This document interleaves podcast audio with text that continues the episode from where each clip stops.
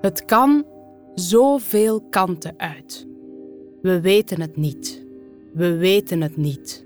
We weten het niet. We zouden daar een liedje van kunnen maken en daarmee het Songfestival winnen.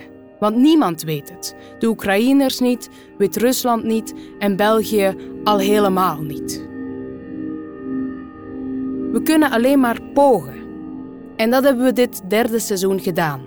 Jonathan Griffioen onderzocht een wereld waar de bossen verboden terrein zijn. Sandro van der Leeuw ging naar een maatschappij waar seks vrij en intimiteit verloren is. Daphne Huisden maakte van het openbaar vervoer een dictatoriaal systeem. Selm Wenselaars maakte een eerste schets voor de vergaderstem. Assif Azim maakte ons vrij van verschillen en toonde daar de consequenties van. In deze laatste aflevering neemt Erik Alink ons mee in de toekomstige stad. Ik ben meestal bang in de toekomst zo voor die klimaatverandering. En uh, ik hoop dat uh, in de toekomst uh, iedereen heeft in zijn eigen bedrijf en dat iedereen werkt voor zijnzelf. Welkom bij het derde seizoen van Anzicht, waarin we op onderzoek uitgaan naar de publieke ruimte en ons menselijk gedrag in de toekomst. Naar de verhalen die er zich afspelen. Misschien, wellicht, bijna zeker. Stadslab Raum en Watershed sturen zes schrijvers op de uitkijk. Jonathan Griffioen, Sandro van der Leeuw, Daphne Huisde, Selm Wenselaars, Assif Azim, Erik Alink. Schrijven hoe zij denken dat het zal zijn. De publieke ruimte van straks, dat wat ons zal omringen. Deze keer schrijver Erik Alink. Hij is geboren in Den Bosch, waar hij ook woont en werkt. Erik studeerde Nederlands, MOA en journalistiek. Als freelancer schreef hij voor met name de Volkskrant. Vanaf eind jaren 80 was hij als redacteur hoofdzakelijk aan culturele initiatieven verbonden.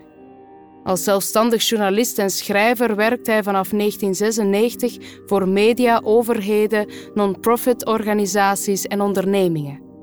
Daarnaast legt hij zich toe op langdurige journalistieke onderzoeksprojecten. Zo kreeg hij in 2017 carte blanche om zich twee maanden vrij te bewegen binnen het basisteam Politie Den Bosch. Het resulteerde in zeven achtergrondverhalen die in zomer 2017 in het Brabants Dagblad verschenen. Voor ons onderzoekt Erik de publieke ruimte van de toekomst. Nederland is staatsrechtelijk deel van China geworden en rechtlijniger dan ooit. Na drie volle borden druipt het langs zijn kaken. Haaienvinnensoep. Zijn maag lijkt in een diepzee te veranderen. Met tegenzin laat hij de opscheplepel opnieuw in de pan zakken. Nog twee borden te gaan. Bij elke hap houdt hij zich voor dat het voor de goede zaak is. Als hij van tafel opstaat, klotst hij na en laat zoute geboeren. Nog krap 2,5 uur.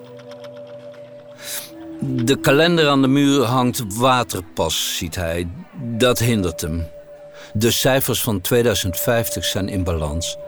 Hij loopt naar de wand, beweegt miniem het touwtje van de kalender. De tijd wiebelt even, totdat zij uit het lood hangt. Een halszaak, vindt hij. Dit is zijn laatste dag om het leven te ontregelen. Hij rispt wat soep op, slikt het moeizaam weg. Uitspugen is onverstandig. Het zou de kracht ondermijnen die hij vandaag hard nodig heeft.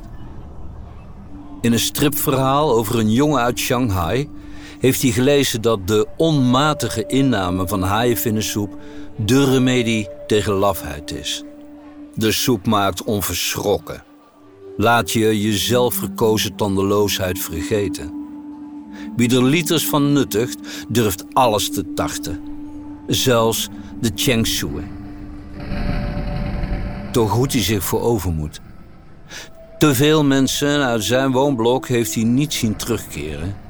Bij enkele appartementen groeit het mos op de drempel. Voor de zesde keer die ochtend opent hij de digitale verbinding met het Cheng Center en checkt de status van de aangevraagde TOR, de toestemming openbare ruimte. Nog altijd groen. Mooi. Hij heeft een bijenkorf van tijd om uit te vliegen. In ieder geval voldoende om in haar ogen te kunnen lezen dat het een goede beslissing is. Nog ruim vijf kwartier. De lift in, naar beneden. De openbare ruimte in. Maar niet voordat hij zijn iBelt heeft omgegord. De vernuftige riem van Apple, het concern dat in 2046 in Chinese handen is gekomen. Voor volwassenen is het dragen van een eyebelt, oftewel isolatiegordel, in de publieke ruimte verplicht. Het accessoire is van jakleer waarin magneten zijn verwerkt. Ze trekken niet aan, maar stoten af. De mate waarin varieert, dat regelt de overheid. Bij voldoende sociale rust is de afstand op 2,5 meter ingesteld. Zo voorkomt het gezag ongewenste samenklonteringen. Hij slaat linksaf. Op de tekstborden die hem voorbij zweven slaat hij geen acht meer. Ze vermelden de spelregels, maar die kan hij dromen. Hoest, hik of boer niet. Loop in rechte lijnen. Maak hoeken van 90 graden.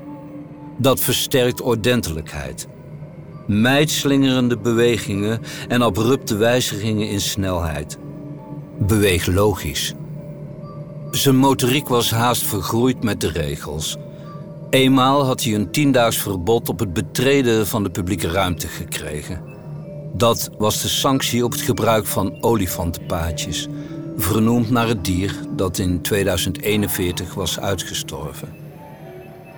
Hij steekt het Tai Ginsengplein over. Op de hoek staat een koortje. Het zingt bij een rode beuk uit de bundel Liederen ter bemoediging van Flora. De autoriteiten staan het oogluikend toe, mits de zang vroegtijdig is aangemeld bij de DOG, de dienst Openbaar Gedrag. Nog 70 minuten. In wijk 47 ziet hij de dagelijkse kranslegging bij het monument voor het publieke domein. Het gedenkteken is een kolossaal scherm waarop de plattegrond van de stad is geprojecteerd. Daaroverheen bewegen rode puntjes die dragers van een eyebelt representeren. Kinderen die in de regel als witte puntjes verschijnen, ontbreken. Het is een oneven dag. Een kinderloze dag. Volgens het lokale gezag is de bevolking opgetogen over deze nog jonge maatregel, die het meditatieve karakter van de openbare ruimte onderstreept. Het monument herinnert hem aan de omwenteling. 18 juni 2042. Die zaterdag was Nederland staatsrechtelijk deel van China geworden nadat het opnieuw had verzuimd om de torenhoge schulden aan de Volksrepubliek af te lossen. Na de inlijving bij China had hij een appartement in Guanlou, oftewel de vreugde, toebedeeld gekregen. Die nieuwe woonstad lag tussen het voormalige Utrecht en Woerden. Een mooi appartement op de bovenste verdieping. Toch voelde hij zich vaak bedrukt. Af en toe leunden de wolken tegen zijn raam. Ze leken op schapen, wattig en wit. Maar aan hun onderkant zat een rits.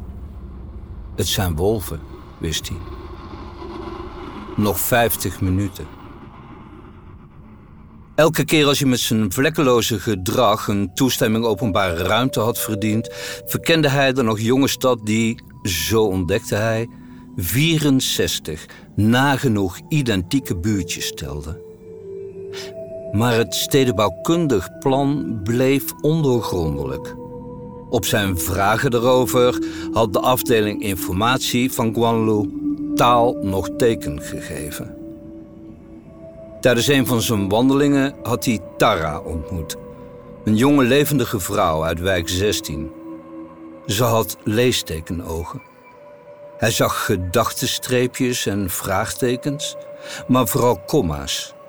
Ze was een levendig verteller. Na ruim een jaar nam ze hem in vertrouwen. Tara was stewardess bij China Netherlands. Tijdens een recente daling had ze heimelijk zes luchtfoto's van onze stad gemaakt. Op een avond trok ze hem aan zijn mouw achter een floating car station in wijk 19. Buiten het zicht van camera's, met de iBelt uitgeschakeld, liet ze hem de luchtfoto's zien. Hij schrok. Je bent gek, zei hij. Die foto's moet je vernietigen. Of zijn ze nep? Nee, zei Tara kalm. We wonen in een I Ching van beton. De stad bestaat uit 64 wijkjes die als hexagrammen zijn gebouwd. Maar dat besef je niet als je erin rondloopt. Elk hexagram bestaat uit zes lange woonblokken die evenwijdig aan elkaar lopen. Sommige zijn onderbroken, andere niet. Net als in de I Ching. Ze aarzelde. Weet je nog dat je een dag lang testen hebt moeten invullen voordat je je appartement kreeg? Dat was niet voor niks, weet ik inmiddels, van een goede vriendin die bij de gemeente werkt. In haar ogen verschenen koppeltekens. Ze dempte haar stem.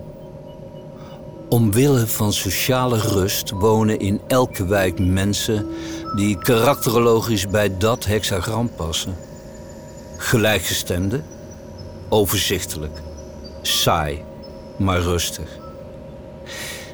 Het leek hout te snijden wat ze vertelde. In wijk 1, waar hij woonde, waren alle zes langgerekte bouwblokken ononderbroken lijnen.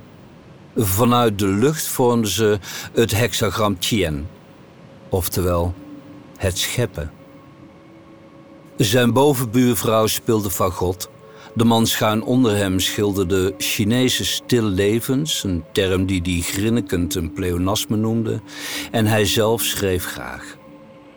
De woonblokken in de wijk van Tara vormden het hexagram Jie, oftewel de geestdrift. Op de grasvelden rond de appartementenblokken vonden regelmatig illegale feestjes plaats. Soms verschenen er arrestantenbussen van de DOG, die al te uitbundige bewoners naar heropvoedingskamp voorbij de einder bracht. De afhaal-Chinees werd de dienst spottend genoemd. Op veel drempels in de wijk Jie groeide mos. Nadat Tara hem in vertrouwen had genomen, voelde hij dat de wal het schip niet meer kon keren. Hij was verliefd. Al snel bleek de genegenheid wederzijds. Als ze haar ogen tijdens een kus dichtkneep, wist hij dat een ampersandteken achter haar wimpers bewoog. Maar het leven in Guanlu overschaduwde hun vreugde.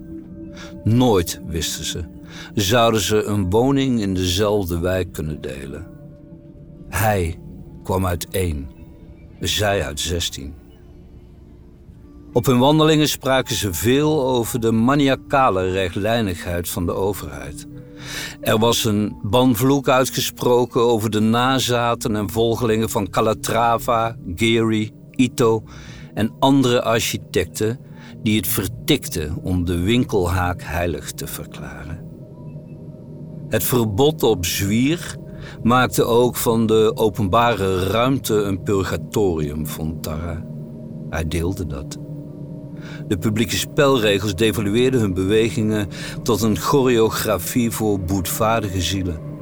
De iBelt belette hun om hand in hand te lopen of erotische verzoeken in oren te fluisteren. Enkel op de even dagen verschenen kinderen die vierkante vliegers en vierkante ballonnen in de wind lieten dansen. Nog krap een half uur. Hij zag haar aankomen lopen. Ze droeg een rode jurk als voorschot. Zwijgend liepen ze naar wijk 40, die vanuit de lucht bezien het hexagram Tje, oftewel de bevrijding vormde. Die buurt stond te boek als rebels en opstandig. Vrijwel alle appartementen waren verlaten. Een woekerend monument van mos. In het parlement groeide de overtuiging dat sloop van wijk 40 het beste was. Tara wenkte hem. Hij volgde. In de ontvangsthal van het eerste appartementenblok bleven ze stilstaan voor de liftdeur. Hij zag het uitroepteken in haar ogen, voelde zijn eigen laatste aarzeling weg hebben. Over pakweg drie minuten zou het voorbij zijn. Hij kuste haar. Ze smaakte naar haaienvinssoep. Kalm stapte ze de lift in. Drukte op de bovenste van de 56 knoppen. Vanaf het dak zouden ze nog eenmaal uitkijken over de I Ching en zijn ondertitel omarmen: Het boek der veranderingen.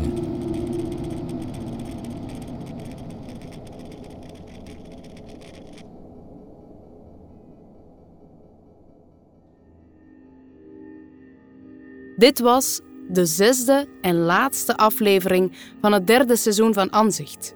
Een podcast van Stadslab Raum in samenwerking met Watershed. In het kader van de openluchtexpositie Raum der Lusten, te bezichtigen van 30 april tot en met 29 augustus 2021. Veel dank voor het luisteren. Ik heb in elk geval meer inzicht in de komende tijd, een gezonde dosis wantrouwen en ook heel wat aanvaarding opgedaan door de zes schrijvers van dit seizoen. Hopelijk u ook. De eindredactie werd gedaan door mij, Corinne Heerman, Stan van Herpen en Juliet Gagnon. De montage en geluidsontwerp werden gedaan door Arno Peters. Het verhaal werd ingesproken door Erik Alink zelf en de illustratie is van Reinoud Dijkstra. Voor meer informatie over de podcast en de tentoonstelling kijk op www.raumutrecht.nl.